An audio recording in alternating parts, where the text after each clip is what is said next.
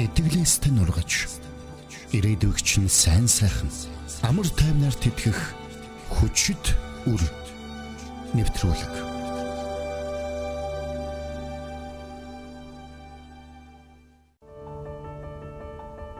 Би чи хөтөлбөрийн чиглүүлэгч багш Дэлгэр маа байна. Харин би Отгон сүрэн. Амьдралыг минь өөрчилсөн үйл явдал ингэж ихэлсэн гэдэл та хэн нэгэнд ярьж өгөхийг хүсдэг үү? Бүх боломж нь хаагдсан юм шиг амьдралын хамгийн бараа өдрүүдэд таныг өлсөж байхад, цангаж байхад, халуун хоол цай бариад орон гэргүй байх чинь уурж аруулсан, өвчтөө байх чинь асарсан тэр сэтгэл дулаахан тэр үйлдэлийг та өнөөдөр ярмаар байна уу? Та хажууд байгаа хин нэгэндээ тэдгээр үйлдэлийг хуваалцахад түүгээр дамжуулан тэдний амьдралд баяр хөөр, амар тайван, итгэл найдвар төрдгийг мэдхүү. Энэ бүхнийг Бурхан сонсогч танаар дамжуулан хийх болно. Та бидэнтэй хамт энэ аялалд гарч өөрт байгаа чадвах боломжоо нээн илрүүлээрэй. Тусламж уу хөгжлөө.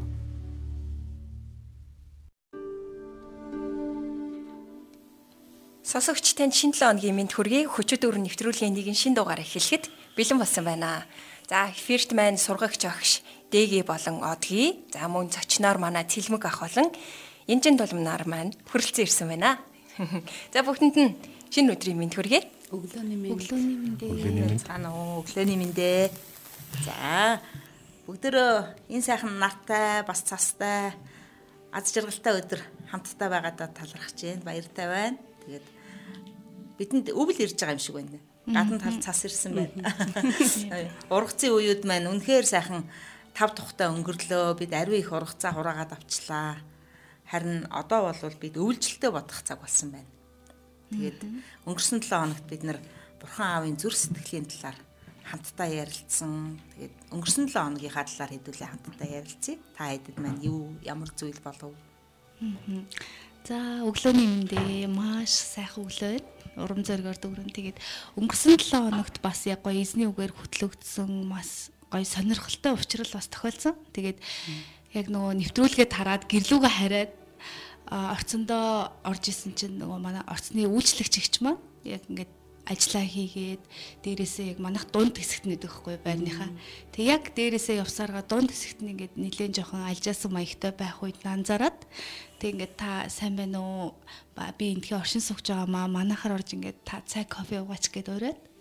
Тэгээд аа за тгий би араас чи яваад орё. Тэгээд гэртээ итл араас яг удалгүй орж ирээ. Тэгээд хамтдаа цай уугаад хоол хийж идээд айгу гой нөхөрлсөн. Тэгээд тэр ихч маань ерөнхийдөө сүүлийн 4 5 сарыг ганцаараа амьдарч байгаа учраас нэлээд тийм нөхөрлөл хэрэгтэй. Гой ярилцах хэрэгтэй бас тийм хэрэгцээтэй хүн байсан. Тэгээ хамтдаа гоё өөрийнх нь талаар сонсоод ярилцаад танилцаад тэгэж ярилцж агаад манайхаар ерөнхийдөө өдрийн цайны цагаар орж ирдэг болсон байхгүй юу. Тэгээд яг нөгөө нэг ярилцж явах үедээ бас яг нөгөө сайн мэдээ дамжуулах боломжтой хүн юм байна гэд. Тэгээд яг Библийг гаргаж ирээд сайн мэдээ дамжуулсан чи өө тийм үү би энийг мэдэн штэ надад өмнө хүн ярьж исэн Гэхдээ би чуулганд явж байгаагүй янз бүрийн хүмүүс ингээд айгүй идэвхтэйгээр намайг дуудаад байгаа. Гэхдээ нэг л сонирхол төрөхгүй байгаа. Гэхдээ би чамаас бол сонирхъя гэд хэлсэн байхгүй юу. Тэгсэн чинь тэр их ч бас ямар тач нөгөө нэг гаж урсгалуудад айгүй дуудагдадсэн их юм билэ. Тэгээд айгу азтайгаар бас шүүрж авсан. Тэгээд манай чуулганы пастор бас манай гэр бүл 7 хоногт нэг удаа зочилдог. Тэгээд яг чуулганы маань пастор гэрлөө орж явах үед бас яг над руу уцтаж таарад орой. Тэгээд гэртээ ураад манай гэрт бас нөгөө заримдаа хүнсний зүйлсээ манай хөргөчөнд хадгалуулдаг байхгүй юу? Тэгээд яг тэр нь бас таарж таарад тэгээд манай чуулганы пастортай танилцуулаад яг утгаар нь сайн мэдээ дамжуулаад Тэгээд манай чуулганд явахаар шийдвэр гаргасан байгаа. За баяр хүргэе. Бид нар үлдэж эхэлсэн байна тий. Сайхан зүйлс болсон байна. Миний хувьд өнгөрсөн 7 хоногт Монгол Христч удирдагчдыг бэлдэх хагга хагга Монгол сургалтанд суусан байгаа.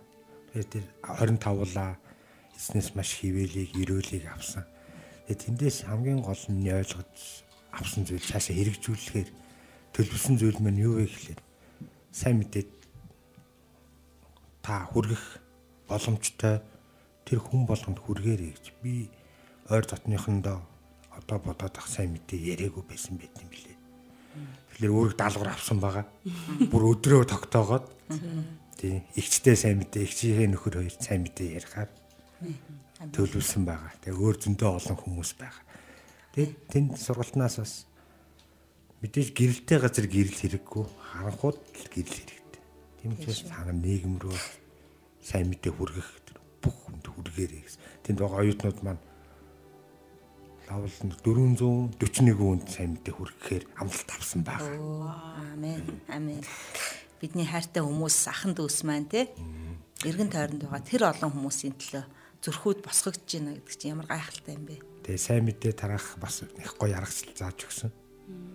Бид нар нөгөө сайн мэдээ ярихдаа ингээл библиэсээ нэг л хэвийн юм шиг тэгж ярьд юм байна л та. Тэрийг тэрийг анзаарсан. Хамгийн энгийн зүгээр амьдрал дээр жишээгээр л сайн мэдээ ярьж болохыг манай тэр төвшин жаргал гэдэг багш зааж өгсөн байгаа. Тэгэхээр тэр их гоё аргачлал. Гоё арга байна те. Бид нар бас сурмаар юм байна тийм ээ. Дараа нэг сайхан цаг гаргаад хамтдаа суралцах Тэгээ би ирчүүдтэйгээ тэр аргачлалыг тэр чигээр нь шууд копидод ирчүүдтэй ярьсан байгаа. Тэднэрт хүрсэн баг. Арай өөрөөр ярьж учраас. Бүгдээрээ дотор нэгийг эргцүүлээд ах шиг байл. Тэгэхээр бид нар амьдралдаа эзний сайн мэдээг түгээхээр ингээд бид нар босгогдож хүн болгон урамшуулгадж байгааг харахтаа бид нар талархаж байна. Тэгээ миний хувьд ч гэсэн би өнгөрсөн 7 хоногт бас нэг хүүхдүүдтэй 8 настай хүүтэй тоглосон. Тэгээ тоглоом маань ер нь бол ингээд хүүхдүүдтэй хэрхэн ярих вэ гэдэг аргачлалыг суралцж байгаа боловч би хүүгийнхаа хажууд суугаад тоглож байхдаа бид нар хүүхдүүдтэйгээ ямар бардам ихэрхүү харьцдаг юм бэ? Ямар их зааварчилгаа өгд юм бэ гэдгийг ойлгосон. Тэгээ ер нь бол хүүхдүүд маань ярих зав өгөлгүйгээр бид нар их зааварчилгаа өгд юм байна да гэдгийг ойлгоод бас өөрийнхөө амьдралд хэрэгжүүлэхээр энийг тусгаж аваад байж байна. За тэгэхээр бид нар өнгөрсөн 7 хоногт Бурхан аавын зүрх сэтгэл хүүгээ эргээд ирэхэд аав нь хэрхэн их баярлаж догтлж ухтаж авч байгааг бид нэр сонссон шүү дээ тийм ээ. Тэг яг энэ их том баяр наадан болж хахад нэг хүн үнэхээр их гомдолтой байсан та нар санаж гинөө. Аа. Ууган ах те. Тэр бол жоохон би байгаад байсан шүү дээ гээл те. Та нар надад яагаад ийм баяр хийгээгүй юм бэ гэж гомдоод байсан дээ. Тэгээ энэ ууган ахын зүрх яагаад ийм гомдолтой, ууртай, дургууталтай байсан юм болоо? Та нар юу гэж бодож байна? Магадгүй тэр ахын хувьд гэрте байгаад хүндлэгдэх ч юм уу те илүү оноо авах тийм зүрх сэтгэл байсан баха те би би чинь байгаа тань туслаад байна штэ гэх. Тэгээ яг энэ дотор надад нэг юм харагдсан байхгүй бид нар итгэгч хүмүүс бурхан аавынхаа гэрт байгаа. Тэгсэн мөртлөө бусад хүмүүсийг ингээд аврал руу баяр хөөр рүү ирэхэд бид нар баярлахаа болцсон байгаа юм биш үсттэй. Зүрх маань ингээд гомдолдог болцсон. Энэ хүнд яагаад ийм ихийг тэр хүнд яагаад тиймийг өгч байгаа юм бэ гэж гомдолдог болцсон юм биш үсттэй гэж би бас бодсон. Та нарын хувьд юу гэж бодогдов? Ууган хүүгийн синдром гэж одоо итгэгч нарын дунд яригддаг л да. Одоо энэ нь болохоор айгүй цуглаандаа олон жил явцсан итгэгч нар заримдаа ингээд ялангуяа пасторудаас хүлээлт айгүй өндөр байдаг. Одоо оо би удаан те олон жилийг энэ цуглаанд зарцуулсан учраас одоо бүхэл магтаалыг ч юм уу те хамгийн сайныг хамгийн одоо өөрсдийг нь ингээд те одоо бүх юмний төрөнд дандаа дурдах бах ярих бах гэсэн тийм хүлээлт ингээд цаанаасаа автоматар ингээд суугдсан байдгийг бид нар бас анзаардггүй. Тэгээд нөгөө шинээр ирж байгаа хүмүүс ч юм уу эсвэл асуудал одоо байгаа хүмүүстээр ингээд ойр ойрхон очиж уулзах ч юм уу тэд нартай ингээд уулзж байгаа таарлдж байгааг харчингуудаа өө намайг надтай уулзсангүй намайг сонссонгүй намайг эргэж ирсэнгүү гэсэн тийм гомдлууд а эсвэл ямар нэгэн одоо зүйл ингээд том хөтөлбөр ч юм уу зохион байгуулчаад өө намайг магтсангүй намайг дурдсангүй гэдэг нэг тийм синдром байгаад байдаг. Яг ууган хүүд яг тийм байсан. Те би ерөөсө таны дэрэгдээс бүр холдоочгүй зудаачгүй бүр одоо өөрийнхөө өв хөрөнгийг авъя ч гэж бүр аа үсэг хэлээгүй те тэгээд би ингээд найзуудтайгаа байж байгаа та бүр өстө ямаа бүр туранхаа ямаа хүртэл надад өгж байгаагүй гэсэн яг иймэрхүү нөгөө тэгж байгаагүй гэд аавынхаа үйлдэлүүдийг айгүйх гомдлох тийм сэтгэлгээ заримдаа бас бидний дотор ч гэсэн анзаарвал байж идэг. Тэгвэл бүгдөө бас яг энэ цаг мөчид бурхан аавлуу тэр зүрхийг орхиод бүгдээрээ бас л баяр хөөртэйгөр аавын маань бүх юм минийх шүү дээ. Би аавын герт үнэхээр хангамжтай байдаг шүү дээ гэдэг тэр зүрхээр хамтдаа орцгоё тийм ээ. Тэгээд нэгэн яриаг сонсъё.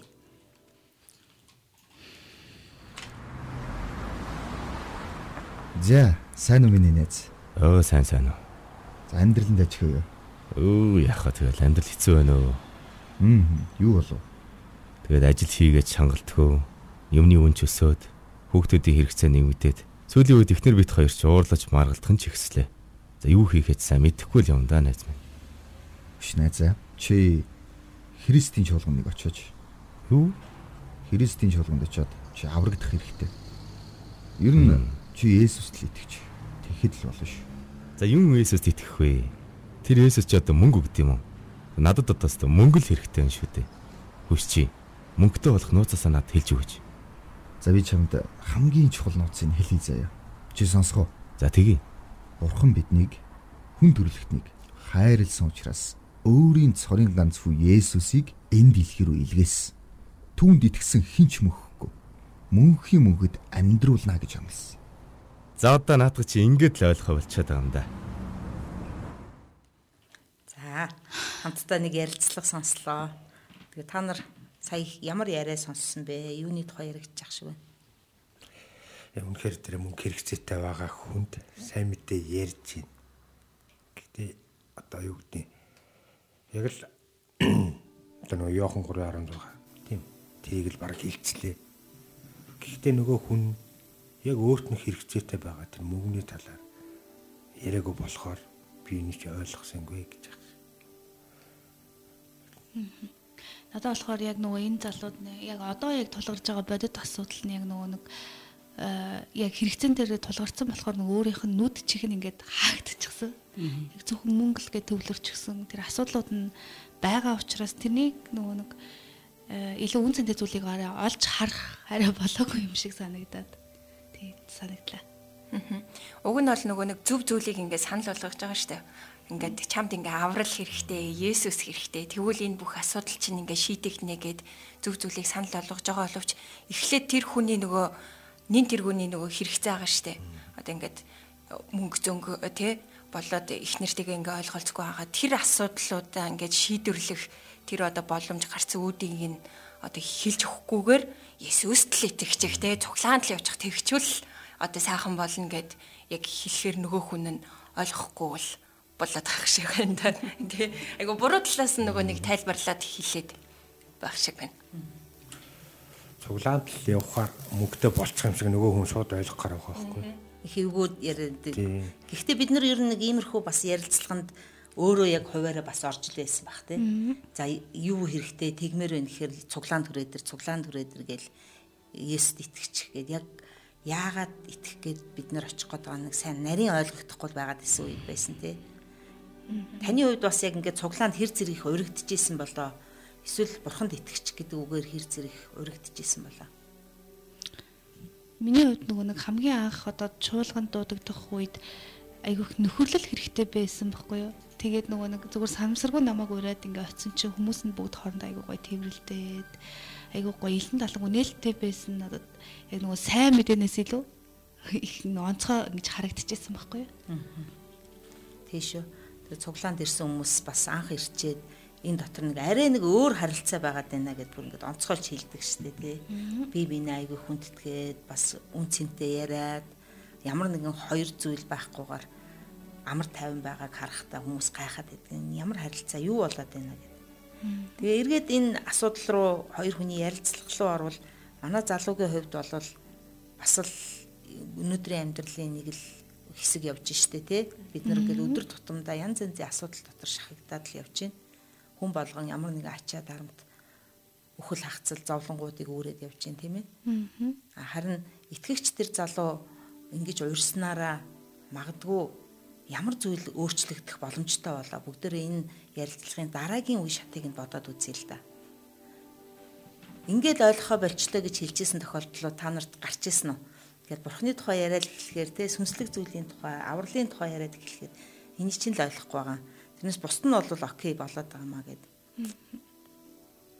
Надад нөгөө хамгийн их нэвтрүүлэг дээр нөгөө нэг өвчтөе 38 жилийн өвчтөе байсан хүн дээр эзэн Иесус Христ очихдоо танд тусламж хэрэгтэй юу гэд те тэр хүний нөхцөл байдал бүгдийг ингэ мэдчихсэн гэж байгаа шүү дээ.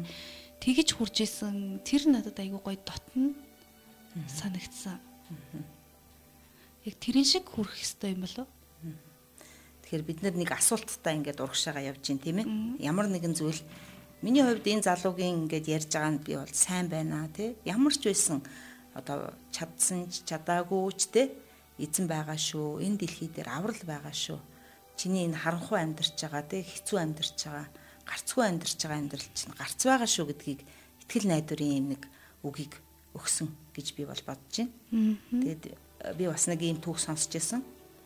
Аа нөхөр нь нас бараад яг эмнэлэг дээр нас барах үед түүнийг эмчилж исэн эм чинь одоо эхнэрээс нь уучлалт гуугаад одоо миний хийж чадах зүйл энэ байлаа би тэгээд таны нөхрийг алдсандаа ингээ харамсаж байна. Тэгээ би харин таныг Есүст итгэсэ гэж хүсэж байна гэж хэлээд ингээд өнгөрсөн байгаа. Тэгээ тэр эмэгтэйгийн амьдралд нь Есүст итгэсэ гэдэг үг 3 удаа босч ирсэн гэж тэр эмэгтэй ярьж исэн. Тэгээ ямар үед вэ гэхээр маш хүнд үед яагаад ч зүрхэнд нь Есүст итгээрэй гэдэг үг орж ирсэн, цуглаан дээр очисон, цуглаан дотор жоох явсан, ахаад алдаа гарсан, орхигдсан. Гэтэл дахиад Есүст итгээрэй гэдэг үгээр цуглаан дотор ирээд итгээд ингээм амьдрал нь өөрчлөгдсөн. Түүх сонсч байсан. Тэгэхээр бид нар эзний тухай ярьсаар байя. Тэг үү? Тэгэхээр яг хүмүүс яг сүнсний авралын талаар бидэнд энэ зүйл хэрэгтэй байна гэдгийг шууд мэдэх боломжгүй байгаа шүү дээ. Тэгээ бүгдээрээ нэгэн түүхийг хамтдаа сонсъё.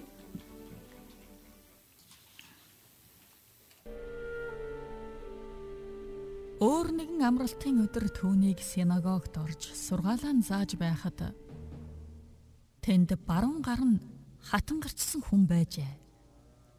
Фарисеучуд болон хуулийн багш нар түүнийг буруутгах шалтгаан олохын тулд амралтын өдөр тэр хүнийг Есүс эдгээ хэсгийг нь ажиглан ширтэж байлаа. Харин тэр тэдний бодлыг мэдээд хатангар гартаа хүнд бос урагшаа гар гэсэнд тэр босож урагшаа гарлаа. Есүс тэдэнд хандан би танараас асууя. Амралтын өдөр сайныг эсвэл мууг үйлдэх ам аврах эсвэл ам хөнөөхийн аль нь ёсонд нийцэх вэ? Ингээд тэднийг бүгдийг нь тойруулан харснаа түүнд гараа сунга гэв.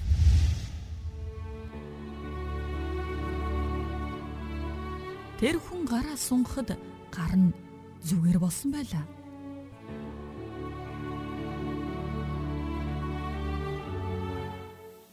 За тэгээ бүгдээр нэгэн эдгэрсэн түүхийг сонсож байна тийм ээ.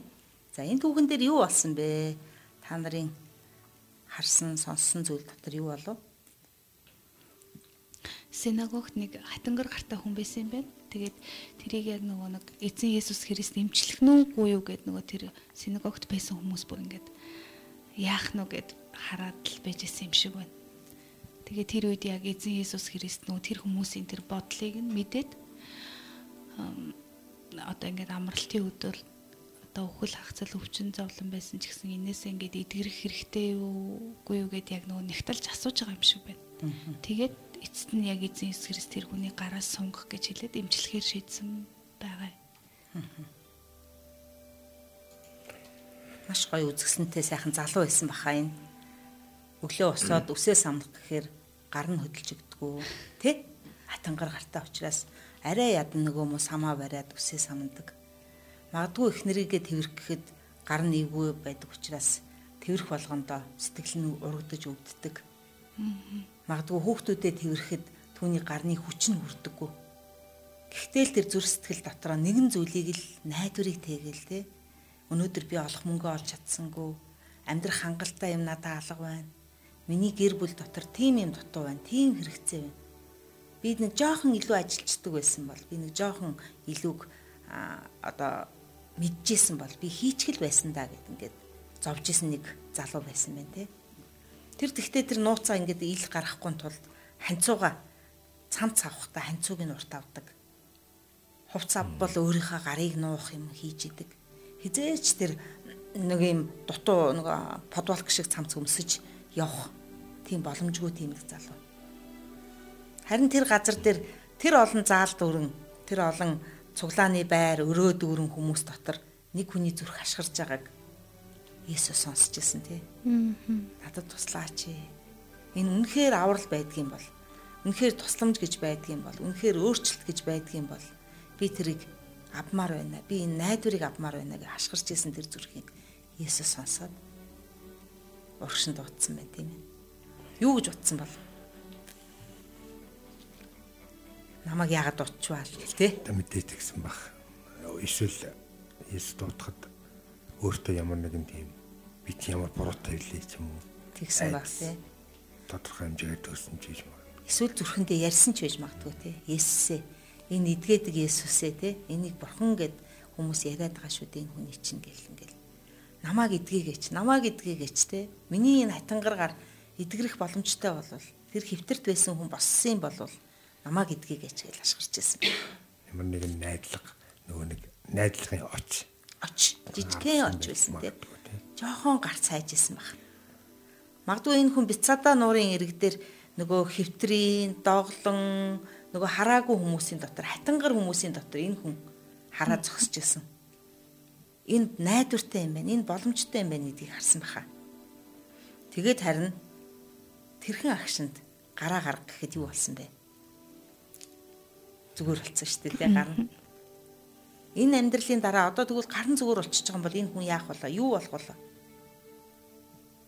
өөрөө өөрийгөө үнэлэх үнэлэмж нэлээд доогуур байсан болов уу гэж зүгээр таамаглаж байна мэдээж одоо мэдгүй л дээ тий эрэгтэй хүний хувьд тий одоо би чи энэ өрх гэрээ толгоолно а гэтэл яг нөгөө гарнаасаа болоод хөгжлийн бэрхшээлтэй учраас хий гүцдгий чадыг гэсэн зүйл дээр дандаа нөгөө дутуу учраас өөрөө өөрийгөө үнэлэхдээ дандаа дутуу үнэлдэг ч юм уу тий яг юм үнэлэмж нэлээд доогуур байсан хүн болов гэж таамаглаж байна Харин мэдээж яг Есүстэй уулзахдаа ч гэсэн өөртөө бас итгэлгүй байсан шүү дээ тий. Зарим хүмүүс болохоор ингээд Есүсээ Давидын удмаа намайг авраач гэж хашгирж исэн бол энэ хүн бол чимээгүй байжсэн.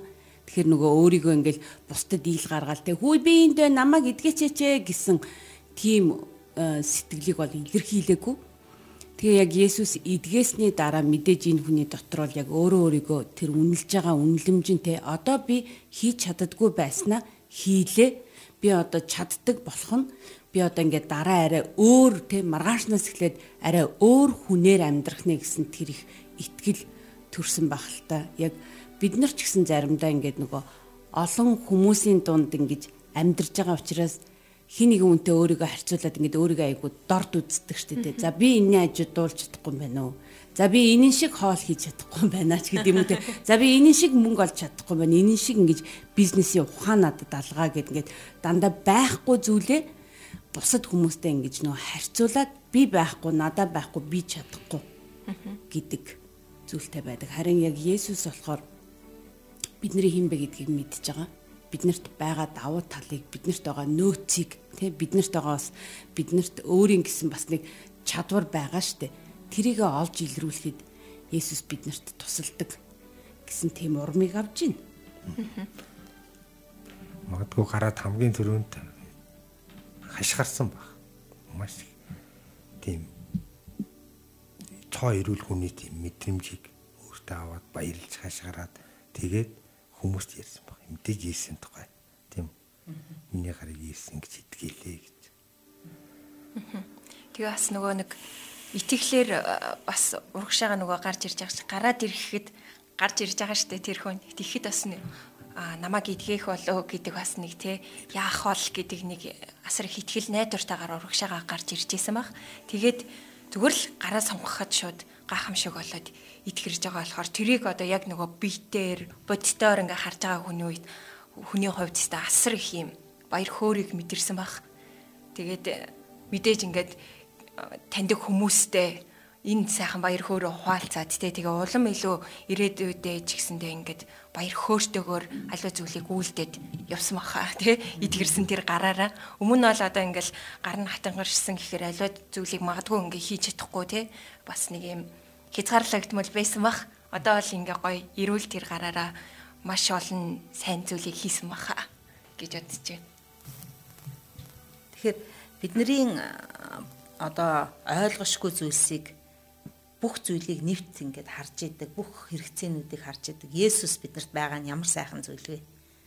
Бид нэр түүнийг ураад уулзуулгаад тэ найзуудтайгаа одоо тэр яг мөнгөнд дутаад амьдрал нь хөрөхгүй байгаа тэр залуу гаргалгаагүй явж байгаа тэр залуутай уулзуулах нь ямар гоё вэ? Тэгээд бид нарт ямар том эрх мэдлийг өгсөн бэ? Хамгийн том ерөнхийлөгчтэй шууд цаг товлоод уулзуулах тэр том эрх мэдлүүдийг биднэрт ингээд ярьж яхад л өгсөн байгаа даа байхгүй юу? Тэгэхээр энэ хүний амьдрал магадгүй өдрөөс өдөрт гараа харах болгондоо ажил хийх болгондоо талархан хашгирч исэн баха тийм ээ. Баярлалаа Есүс, баярлалаа Есүс. Би юу ч хийж чаддгүй байсан. Одоо бүхнийг хийдэг болсон гээл тий. Тэгээд тэр хүн цуглаанд явахдаа баяр хөөртэй явсан, үйлчлэгтээ хин нэгэн туслахтаа баяр хөөртэй болсон. Тэгвэл бидний зүрх ямар байгаа болоо? Бид нар ингээд бусдад үйлчлсээр анх бид нар Есүст итгэсний дараа ямар их том баяр хөөр, ямар их урам зориг байснаа санаж гинөө. Тэгвэл одоо жоохон ингээд заа заа хин нэгэн хүн хэлэх болов хин нэгэн хүн ярих болов гэд хойшоо суугаад байгаа юм биш үсттэй бид нар. Тэгвэл бүгдээрээ хамтдаа урагшаа давталсаар те хүмүүсийг хайрласаар л бай. Тэднийг хайрлж ярьсаар л бай. Хэрвээ танд ямар нэгэн байдлаар хин нэгэн хүнийг ивээх, хин нэгэн хүнд туслах хин нэгэн хүнийг Есүстэй уулзуулах боломжууд байгаа гэвэл та яг өнөөдөр энэ боломжийг юу хийх вэ? Яах вэ? Тэгж хийснээрээ яг энэ хатангар гартаа хүн шиг амьдрал нь бүтэн өөрчлөлтөнд орно гэвэл та юу бодож байна? Яг энэ цаг үеэд. Манаас хүчит дүр нэвтрүүлгийг сонсож байгаа сонсогчид маань бас лайвын доор комментараас сэтгэгдлээ бас ухаалцаарай тий бидэнтэй бас хамт айж өөрийн сэтгэгдлээ хуваалцаад бас хичээрээ яг нэвтрүүлэгтээ хамт агаад манай чиглүүлэгч өгшээ маань асууж байгаа асуултуудаас хариулаад яваарай тий. Есүс бусдын тоож санаа тавьдаггүй хүмүүсийн төлөө. Ингэж их санаа тавьж байгаа юм чи итгэгч бид нар те Есүсийн дагалдагч гэж өөрсдөө нэрлэж байгаа учраас яг Есүсийн хийсэн үйлдэлснийг дагаад амьдрах нь биднээс одоо гарах ёстой бидний үүрэг байгаа байхгүй дагалдагчийн үүрэг. Мэдээж одоо ингээл э, манай Монголын нийгэмд ч гэсэн ингээд заримдаа хүмүүст тоогддгүү те. Одоо ингээл э, энэ тэнд гудамжинд архиугаал хөвтөж байгаа эсвэл одоо орцны жижүүрч гэдэг юм уу иймэрхүү хүмүүстэй э, одоо хүмүүс ингэж харилцахтаа бас айгүй дээрэнгүү те. Нэг юм дорд хүн шиг харилцах юм харилцаанууд бас энэ тэнд мэрсэр харагдаад байдаг. Харин яг иймэрхүү газар дээр ч гэсэн бид нар итгэгч нар яаж ингэж ухаалгаар яг Есүс шиг тэр хүмүүсийг хайрлах вэ? Яаж Есүс шиг үйлдэх вэ гэдгийг ингээд өдөр тутмынхаа амьдрал дээр айгу бодоод явж ивэл айгу бас бас нэгэн дагалдагчийн үүргэн болов гэж. Тэгээ харин нөгөө Янжагийн сая ярьсан жишээг сонсоод аа тийштэй яг ингээд ерөн бол одоо орчин үед хүмүүс орцны үйлчлэгчийг гэртээ оруулаад хоол хийж иддэг хүн цөөхөн байгаа тий. Тэгэхээр бид нар бас би биенээсээ суралцаад яг янжагийн хийсэн шиг тийм үйлдэлүүдийг хамтдаа гаргаа явах юм бол бид нар яг Есүсийн дагалдагч гэдгээ үйлдэлээрээ мэдүүлэх байхгүй тий. Тэгээ бас бидний нөгөө харилцаа хандлага айгүй чухал юм байна гэдгийг бас анзаарсан. Дээр би ажиллаа тараад ингээ явж исэн чинь яг нэг арх хууцсан нэг ах ингээд нилээ ингээд наагсан явж исэн хөөе цаагт болж ийн гэ бүр нэг амар юм дээрлэх өнгөөр ингээд хөөе гэж ингээд бүр дуудаж ирээ хэлсэн байхгүй тэгэхээр би оо тэд болж ийн гэ ингээд хариулсан чинь шууд нэг юм арай өөр ингээ хандлагатаар аа за баярлаа гэдэг нэг юм дуу болооны өнгөн үртэл ингээ өөрчлөгдөд явчихж байгаа байхгүй. Тэгэхээр магадгүй өөр хүмүүсээс асуухад бол нөгөө тоохгүй ийм хүн тийм гэл нөгөө ингээд тоохгүй өнгөрдөг байх магадгүй. Тийм болохоор бүр нэг юм дээрэнгүү ч юм уу те.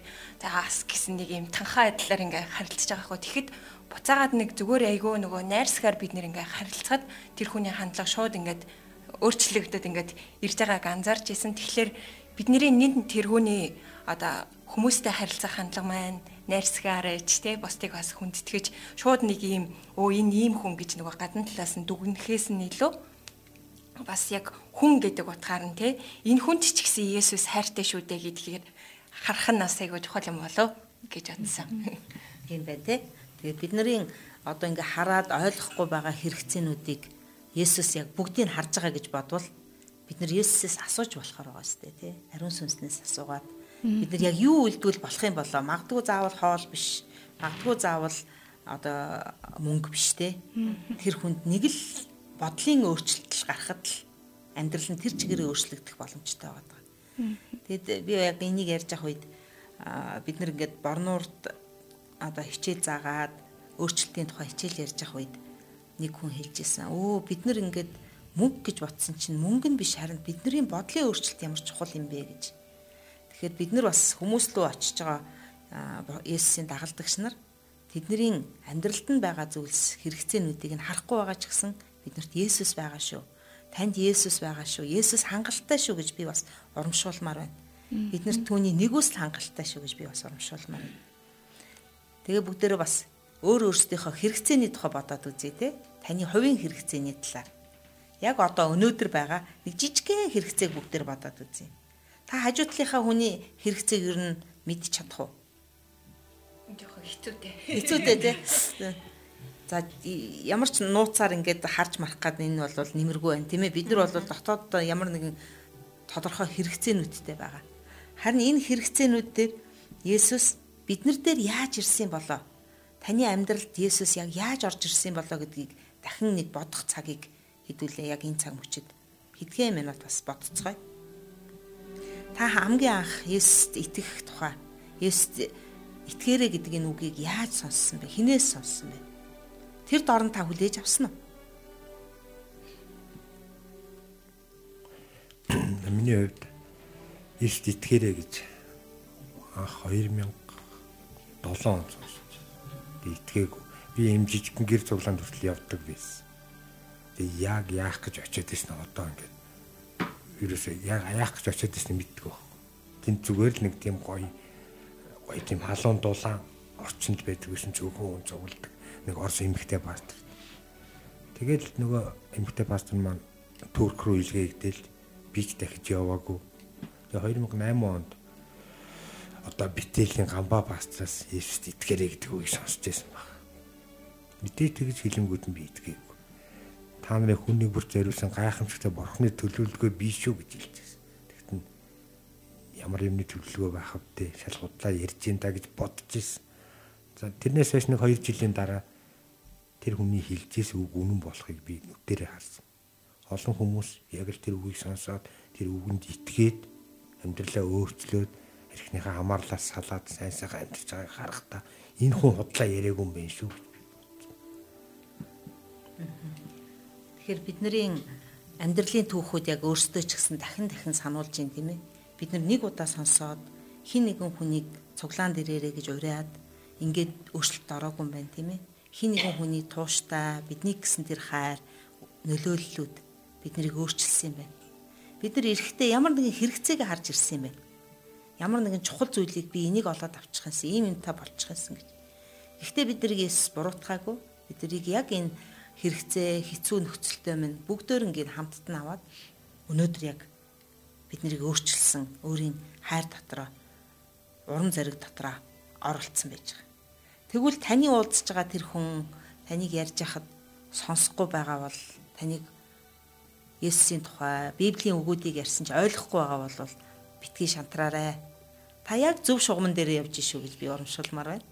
Яг гэвэл түүний зүрх бодолтон дотор байгаа. Хайлтан дотор байгаа. Үннийг хайж байгаа. Тэгвэл хамгийн ихний ярилцлага руу эргээд хэдүүлээ очие тийм ээ. Тэр ярилцлаган дээр гарсан тэр залуугийн хоёр залуугийн маань ярилцлага. Энийний талаар та нар юу гэж бодож байна? Бид нар хин нэгэн сайн мэдээ ярихдаа заримдаа буруу талаас нь тухайн хүний хэрэгцээг биш тийм. Сайн мэдээ бол нэг ийм л байх ёстой гэсэн нэг тийм хайрцагын дотор хүлээсэн дотор сайн мэдээ ярихдаа би ингэж л яах ёстой гэсэн. Харин тэр хүн хэрэгцээгээ хэлж байгаа тэр үед бид нар сайн мэдээгээ яг яаж ярих тухайгаа илүү бодж ээж юм ярих хэрэгтэй юм шиг. Энэ хүнд яаж аль талаас нь хэрэгцээгээр хэрэгцээгээр дамжуулаад сайн мэдээ ярил энэ хүний зүрх сэтгэлд хүрэх болоо гэдгийг үнэхээр бурхнаас мэрэгүү хаан гойж залбираад ярил зүгээр. Миний хувьд болохоор нөгөө нэг яг энэ хоёр залуугийн яриан дээрс яхаар мэдээж эзний үг бол өөрөө яг нөгөө нэг амтай хүчтэй үхтэй нөгөө хүний зүрх сэтгэл шууд орж байгаа шүү дээ. Тэгэхээр эхний залуугийн хувьд бол буруу зүйл бол хийгээгүй. А зүгээр яг яг илүү жоохон мэрэгүү ухаантай ч юм уу ариун сүнсийг одоо одоо арай сүнсээр гэх юм уу илүү тэр хүнийг нөгөө ойлгож илүү өшөө таньж мэдэж а хүлээж авахаар болсон үед нь бас дахиад эзний үгийг хэлвэл илүү сайн байсан юм болов уу гэж байна. Магадгүй үргэлжлүүлээ ярьсан баха энэ хоёр тийм ээ. Тэгээд Бурхны хүү Есүс чи яасан ч юм уу. Тэгээ Есүс гэд хүмүүс яриад ах юм гэл ингээл үргэлжилсэн яриа болсон баха. Магадгүй тэр хоёр одоо яг өнөөдөр сонсож байгаа. Тэгээд цаашаа яаж ярих уу гэж бодолт хийж байгаа. Тэгэхээр бид нар бол бурхантай танилцуулахаар яг энэ ажлыг хийж байна. Тэгээд энэ газар дээр Есүсийн гар хүрсэн бол ямар том өөрчлөлт болж байгааг бүгдээрээ эргэн санацгаая. Тэр хатангар гартаа хүн, тэр хэвтрийн хүмүүс. Тэгвэл яг өнөөдөр миний амьдралд миний эргэн тойронд хайртай хүмүүсийн амьдралд гар хүрвэл Есүсийн гар, Есүсийн харц хүрвэл, Есүсийн нүд хүрвэл магадгүй та тэр харц нь байгаа шүү дээ. Та тэр гар нь байгаа. Тэр зүйл хүрвэл юу болох болоо гэдгийг хамтдаа хүлээж авцгаая. Тэгээд нэгэн жижигэн түүх сонсоод хамтдаа ярилцъя. Нэгэн итгэгч эмэгтэй няраа хүүхдээ асрангаа хүчит өр нэвтрүүлгийг сонсчээ. Нэвтрүүлгийн тэр дугаарт архиугаад байгаа найзтайгаа ярилцаж буй итгэгч хүний түүхийг хуваалцсан байна. Энэ радио хичээлээс асуудалд орсон хүн яагаад ямар учраас Христийн чуулганд очих хэрэгтэйг яагаад бүхнийг шийдэхийн өмнө Христэд итгэх ёстойг цуглаанд урж байгаа найз нь сайн тайлбарлахгүй байгаа учраас сайн ойлгохдохгүй байгааг радио сонсогч эмэгтэй ойлгожээ. Хэрхэн боддоор бусадтай ойлгомжтой хайрын үйлдэл хийх талаар суралцсан байна. Хайрын үйлдлийг хэрхэн хийх талаар суралцсан тэрээр хүүхдээ салхилуулах үедээ хүүхдээ салхилуулж байгаа хоёр эмэгтэйтэй танилцжээ. Тэгээд тэдэнтэй ярилцах үедээ нөхрөөсөө салсан мөн хүүхдүүдээ өөрийн нэрээр овгуулсан тухай мэдсэн байна. Итгэгч эмэгтэй тэдэнд гэр бүлийн үн цэний талаар Библиэс сурснаа хуваалцаж дараа нь гэртээ ганцаараа байхдаа тэдний төлөө залбирч эхлэв. Тэгэд уулзах бүрдээ шин танилуудаа зөв алхам хийхэд урамшуулж эхэлсэн байна. Удалгүй хоёр эмэгтэйч түүний ярьсан зүйлс чухал гэдгийг хүлээн зөвшөөрч гэр бүлээ бүрэн бүтэн болгох шийдвэр гаргаж нөхөртөөгөө эвлэрчээ. Түгээрч зогсохгүй итгэгч эмэгтэй гэр бүл нэг гэр бүлтэй гэр бүлийн сайн найзууд болж ойр дотн нөхөрлөж эхэллээ. За ямар зүйл болсон бэ? Ямар үйл явдал болсон бэ?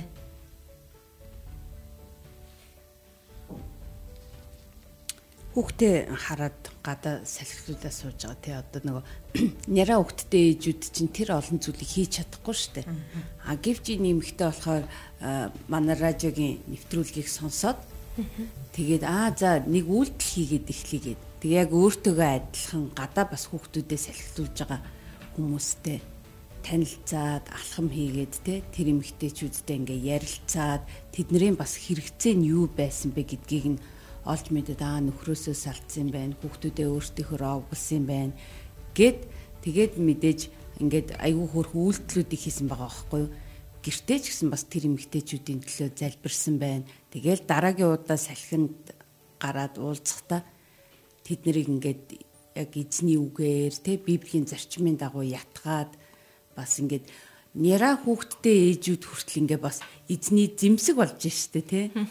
Яг өөр өөрийнхөө бидний мэдээж ингээд нөө бид нар насан туршдаа няра хүүхдээ хардаг эмэгтэй байна гэж байхгүй штэ эн чинь нэг 1 жил юм уу 2 жилийн хугацаа штэ тэгэхээр нөгөө хаана байгаа газраас шалтгаалаад яг тэр талбарууд дээр хэрэгцээтэй байгаа хүмүүсийгээ сонсно гэдэг нь бас дагалдагч биднээс гарах тэр мэрэгүү ухаан юм байна шүү гэдгийг олж харлаа. Тэгээ нөгөө хүүхдээ салхилуулж байгаа ээжүүдийн жаргал зовлон нас төстэй хэдэж штэ тий адилхан байгаа. Тэгэхээр трийг нас мэдрээд хамтдаа бас нөгөө ингээл гэр бүлийн амьдрал хүүхдээ өсгөх яах вэ гэл ярианы өнцөг бас нилээ нийсэн бах. Тэгээ тэр дундаа ямар асуудал байгаа трийг нь одоо бурхны одоо а үгээр хэрхэн яаж ингээ босгоод тэ зөв зам руу ингээ чиглүүлэх үү гэдэг айгуу гоё юм яриа хөрө болоод өөрчлөлтийг хийсэн байна. Тий өнөөдөр архины хамааралтай олон хүмүүс би архинаас гарахын тулд надад Есүс яг ямар хэрэгтэй гэж ярьдаг. Гэхдээ тэр хүмүүс өөрсдөө ямар нэг арга замаар гарсан байдаг. Архинаас гарсан хүмүүс зөндөл байдаг л та. Би үнэхээр болигээд шууд л хаяад гарсан хүмүүс байдаг. Тэгээ би тийм хүмүүсийг ажиглахад үнэхээр Есүст итгэхэд архинаас архины боолчлоос чөлөөлөгдсөн хүн зүгээр одоо өөрөө төвчээр гаргаад боцлосоо чөлөөлөгч хүн хоёр ялгаа өнөд айг удаад харагддаг. Тэгээ Есүс итгэж гарсан хүн бүх талаараа маш их гоё. Даруухан, төлөв яг Есүсийг ямар нэг байдлаар харуулдаг. Харин зүгээр өөрийнхөө төвчээрээр гарсан хүмүүсийн архил ухаа болсноос биш тэр хүн яг хിവэрэ бич. Нөгөө нэг хараалын нь бустай харилцаж байгаа харилцаа нөгөө залмих илүү олцгсон муу санаа юу байдгийг шунал мол тэр нь бүгд яг ивэрэ бич. Тэгэхээр тэр хүн бол зүгээр арх ухаал байсан. Нийт итгэг насаа чөлөөлөгцөн хүн бол яг үнэхээр шаал ондоо хүн байдаг гэдгийг нэлээ олон харж байгаа. Тийм шүү. Бидний амьдралд Есүс байхгүй бол бид нар тэр өөр хүн болж чаддаггүй шүү дээ. Тэр шин одоо амьд үр бидний амьдралыг л өөрчилсөн Есүс гэдэг тэр амьд төрнөөс болоод өөрчлөгдсөн. Тэгээ энэ эмгтэй ч гэсэн нөхцөл байдлаа яг тухайн газараа тухайн нөхцөлдөө хинч байсан тэр хүнийг бас хайрласаар байхыг сонгосон байна. Тэгээ би бас сонсогч таныг яг хаана байна? Та ахмад хүн болвол ахмадуудыгаа хайрлаад тэгэхээр ганцаардаад зовлонгоо хараад уйлж суугаад тэр хүн дээр та очиод цайг нь ууж өгөөрэй. Тэгээ хэрвээ та эрэгтэй хүн ажил олдохгүй байгаа бол хамтдаа ажил олдохгүй байгаа тэр хүмүүс нийлж агаад ажил бий болгоод хийгээрэй. Тэгээ энэ болгон өөрөө сайн мэдээ юм а. Есүстэй хамт алхах. Есүсээр бид нэр бусдыг Есүс танилцуулах арга юм а. Тэгэхээр бидний Есүс ямар зан чанартай, ямар их хайр дүүрэн бэ гэдгийг бидний үйлдэлээр хамт алхаж байгаа алхаагаар мань хүмүүс мэдэх юм байна. Тэгээ энэ эмхтэй бас үргэлжлүүлээд гэр бүлийн үн цэнийг тэднэрт суйрлуулж ойлгуулж өгсөн байна те өмнө нь байсан бол за яах вэ яах вэ ингээд болдгийн салаал эзгээл ингэжсэн бол одоо би гэр бүлтэй байх нь ямар чухал вэ гэдгийг ойлгуулсан байна. Тэгэхээр дэлхийн ертөнцийг бүгдээр ингээ харах юм бол бид нар үргэлж хагарсан, гимтсэн, хоосорсон энэ зүйлийг харж байгаа. Харин бид нар Есүс рүү эргээд харах юм бол Есүс эдгээсэн, чөлөөлсөн, хайрлсан, тэнхрүүлсэн босгогдсон тэр зүйлийг харж байгаа. Тэгвэл биднэрт юу байгаа вэ? Тэр зүйлээрээ бүгдээрээ үйлчлцгээе. Тэгэхээр та нарт маш олон зүйлсүүд бас бодогдож байгаа бах. Тэгээд яг энэ өнөөдрийн хичээлтэй холбоотойгоор үнэхээр бидний амьдралыг Бурхан Аавын зүрх юугаар ятгах шиг байна? Ямар нэгэн үйлдэлийг хамтдаа хийцгээе тийм ээ. Бид нар үйлдэлсээр байя гэдгийг би та нарын зүрхэнд бас ятгах гэж байна.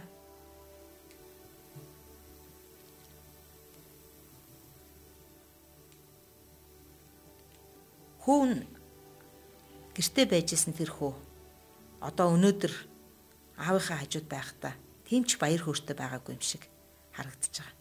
А харин гэртээ ирсэн тэр хүү маш баяр хөөртэй. Юу л бол юу хийхээр тэр зүрх сэтгэлтэй болцсон байгаа. Тэгвэл Бицада нуурын ирэг дээр хөвтөжсэн нэг өвчтөн өнөөдөр босоод явж исэн бол түүний хажууд хатангар гартаа өөрийгөө нууж исэн тэр хүн бас босоод явцсан байна. Тэгэхээр энэ хоёр зүйл дээр Бурхны хүүгийн зүр сэтгэл ямар зүйлийг хийж байгаа, ямар өөрчлөлтийг хийж байгаа. Энэ зүйл дотор Монгол улс маань ямар байдал дээр байх вэ? Монголыг ингээ харахтаа бид нар хэцүү юм шиг харагдчихийдэг те олон зүйл болохгүй байгаа юм шиг байдаг. Харин энийг өөрчлөх хүч нь хаана байгаа юм бэ? Биднэрт маш их мөнгийг өгчүүл бид нар өөрчлөгдөх юм болов? Биднэрт маш их одоо тусламжуудыг оруулаад ирвэл бид нар өөрчлөгдөх юм болов? Тэгэхээр таны өчүүхэн жижигхэн гэж бодож байгаа тэр үйлдэл энэ Монголыг маань өөрчлөх юм шүү. Тэгээ би таныг хүчит өрийн үнэхээр хүчтэй үйлчлэгч, үйлдэгч нар болсон гэж би бас урамшуулж байна. биднэрт яг нөгөө ууган хүүгийн зүр сэтгэл хэрвээ байгаа бол бид нар дахиад эзний өмнө ирээд өөрсдийгөө нэг нэгтэлж үзээ те аа ингээ бүх зүйлд гомдлох биш яг өнөөдөр бас ингээд Есүсээр дамжуулаад би бас дахиад зэмсэг болох боломжтой. Би яг ингээд гудамжинд гараад эсвэл өөрийнхөө хөршийг өөрийнхөө эсвэл гэрийнхээ те халуун ам бүлийнхэн дотроо яаж эзнийг Есүсийг дахиад гэрчилж чадах уу? Тэр арга замуудыг ингээд бурхнаас гуугаад хариун сүснээс гуугаад яг үлдээсээ тэднийхээ төлөө ингээд залбираасаа те ингээд цаасан дээр бичээд за ийм ийм хэрэгцээ байгаа тэр хэрэгцээг нь хангахаас гадна илүүтэйгээр Есүс тэр хүмүүст өөрийгөө хэн гэдгээ харуулах нь тэр хүмүүс Есүстэй уулзрах нь хэрэгцээ хангагдахаас илүү бас тэр сүнслэг хэрэгцээ юм а гэдгийг олоод хараад тэрний төлөө зуучлан залбирч эхлээсэ гэж сонсогч танийгаа бас уриалж байна. Тэгээд яг Есүсийн нүдээр олж харна гэдэг ямар чухал вэ гэдгийг зөв бодож ил бол доо альва зүйлийг ингээ хүнийг ч ихсэн харахтаа тий хэрвээ миний оронд Есүс байсан бол яах байсан болоо? гэд.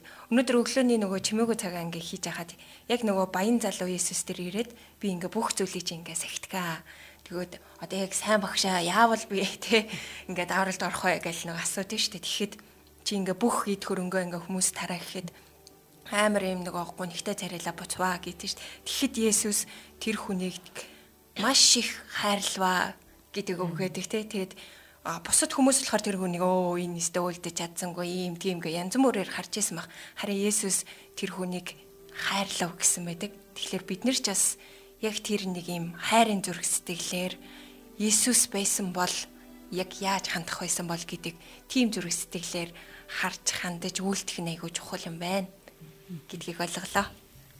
Тэгэхээр би та нарыг бас урамшуулмаар байна. Өнөөдөр яг таны эргэн тойронд болж байгаа асуудлуудыг харахтаа та яг нэг дэвтрийг гаргаад өөрийнхөө өмнө тавьж агаад тэр хэрэгцээнүүдийг та бичээд үзээрэй. Магадгүй ямар ямар хэрэгцээнүүд сонсогдож байна. Хүмүүс яригдж байна тэр хэрэгцээнүүдийг бичээд таны чимээгүй цагаар сонсож байгаа, уншиж байгаа үгүүдийг та тэмдэглэж аваад энэ хоёр дээр та яг юу үлдэхийг эзэн танд ятхан сануулж өгнө. Яг яаж үлдэх юм болоо гэд асуугаарай. Эзний ариун сүнс таныг хөтлөн дагуулах болно. Тухайн асуудлыг та заавал шийдэх болно. Ягд гэвэл эзэн эхлүүлсэн ажлаа төгс гүйцэтгэдэг эзэн. Харин бид нар тэр зүйлийг яаж хийх аргачлалыг сурах нь өнөөдөр нэг жижигхэн зүйл байна тийм ээ. Тэгээд би сонсогч таныг яг хүчит үр нэвтрүүлгээс болоод та нэг дэвтэртэй болоод эргэн тойронд чинь сонсогдож байгаа зүйлсүүдийг та таны зүрхийг өвтгөө, таны сэтгэлийг зовоож байгаа тэр асуудлуудыг та бичиж хагаад үйлдэж эхлэхэд алхмуудыг хайгаад хин дээр очих, юу хийхийг та харж эхлээрэй. Магадгүй хүүхдүүд уйлж байгаа. Та хүүхдүүдийн уйлааныг, хашгирааныг сонсдог болвол би юу хийх ёстой вэ? Би юуг сурах ёстой болоо гэд тэр хэсгийг та сонсч эхлээрэй. Ууган хүүгийн тухай бодсон надтай бас их төстэй юм байна. Би одоо тийм чарны төв дээр ирээ 6 жил болж байна. Энэ хооронд зөндөө л олон ирчүүд ирж буцаад ирж буцаал унж босоод. Тэгээ зарим нэрэд сайн үчи байж л байгаа юм уу гэж. Тэгэхээр би байж л байна гэдэг. Тэгтээ цаанаа нэг тийм бардам мөнгө эсэр. Би чам шиг унаагүй шүү. Би чам шиг дахин дахин ирж буцаагүй шүү. Гэсэн тийм өнгө аяс миний хоолноос гардаг байсан юм бэ гэдгээ олж харлаа. Бидний зүрх бас амархан хатуурч гад байдаг тийм ээ. Тэгэхээр бүгдээрээ эзэн лөө дахин дахин бууцгаая. Эзний өмнө бууж зөөлрцгөөе. Гомдлыг сонгохгүй байцгаая. Баяр жаргалтай, урам зоригтой үйлчлэлийг сонгоцгоё. Тэгээд амийн төлөх тулаан болж байна энэ газар дээр. Яагад гэвэл хүмүүс өвчих юм бол мөнх тамлуу явчихна Есүстэй уулзчихвал мөнх амьд хүрнэ. Тэгээд бид нар айгүй сонирхолтой бөгөөд үйлдэх даалгавартай ажиллаж байна. За. За нэвтрүүлгийн маань цаг бас энд хүрээд дуусах төгсөж байна. Хүчит дөрөв нэвтрүүлгийг сонсож байгаа сонсогчтаас чиглүүлэгч огшийн маань өгж байгаа даалгавруудыг бас хамт хийгээд яваарай. Тэгээд түүнийгээ бас бидэнтэй бас хуваалцаарай те. Би ийм хайр үйлдэлийг ингэж хийлээ. Эсвэл өнөөдрийн энэ дугаараас энийг ойлголоо тий бурхан аавын зүрх сэтгэл ийм байд юм байна. Тэгэхээр би ингэж эхлэе гэж бодлоо гэдгээ бас бидэнтэй холбогдорой тий. Тэгээд магадгүй нөгөө нийтэд дийлшээр хуалцах хүсэлтэй хүн байвал ямар дугаараар холбогдож хэлж болох вэ? За, комент хэсэг дээр нуцаа үлдээчихв. Тэгээ тий. Тэгвэл яг хинлүү хаашаа хандах уу гэд хэцүү байгаа бол уцаар яриад бас өөрсдийнхөө түүхийг бидэнтэй хуваалцаарай. Бид нар таны түүхийг сонсохдоо таны хийж байгаа хайрын үйлдэлийг сонсохдоо үнэхээр баяртай байх болно шүү. За. За тэгээд чи хөтөлбөртэй холбогдохыг хүсвэл комент дээр бичигдэх тэр дугаартаас холбогдоод бас энэ хүү сургалтыг бас авах боломжтой байгаа тий. За тэгээд нэвтрүүлгийн минь цаг өндөрлөхөөс өмнө хамтдаа нэг сайхан урайг бид нар бас хилдэг байгаа тий. Нэвтрүүлгийн урайг хилдэг. Тэгээ энэ цагт хамтдаа бас урайгаа эхлээд хамтдаа сонсъё. Би Жирෝлийн сүг байхаар сонгогдсон амьд бурхны хүүхэд. Би Есүсийн үлсийг үргэлжлүүлэгч нэг. Би ариун сүнсний тусламжтайгаар урагцаа нөгөх хүчит үр. За хамтдаа ураагаа хилцгээе. Би ерөөлийн сувг байхаар сонгогдсон амьд бурхны хүүхэд. Би Есүсийн үлсийг үргэлжлүүлэгч нэгэн. Би ариун сүнсний тусламжтайгаар урагцаа өгөх хүчит үр. Энт хүрээд хүчит үр нэвтрүүлгийн нэгэн шин дугаар өндөрлөж байна. Ирэх 7 хоногт энэ цагта эргээд уулзцгаая.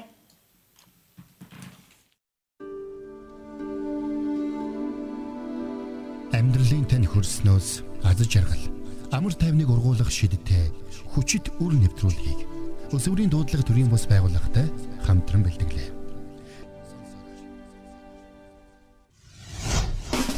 Итгэл нь сонсгоос. Та итгэл радиог сонсож байна.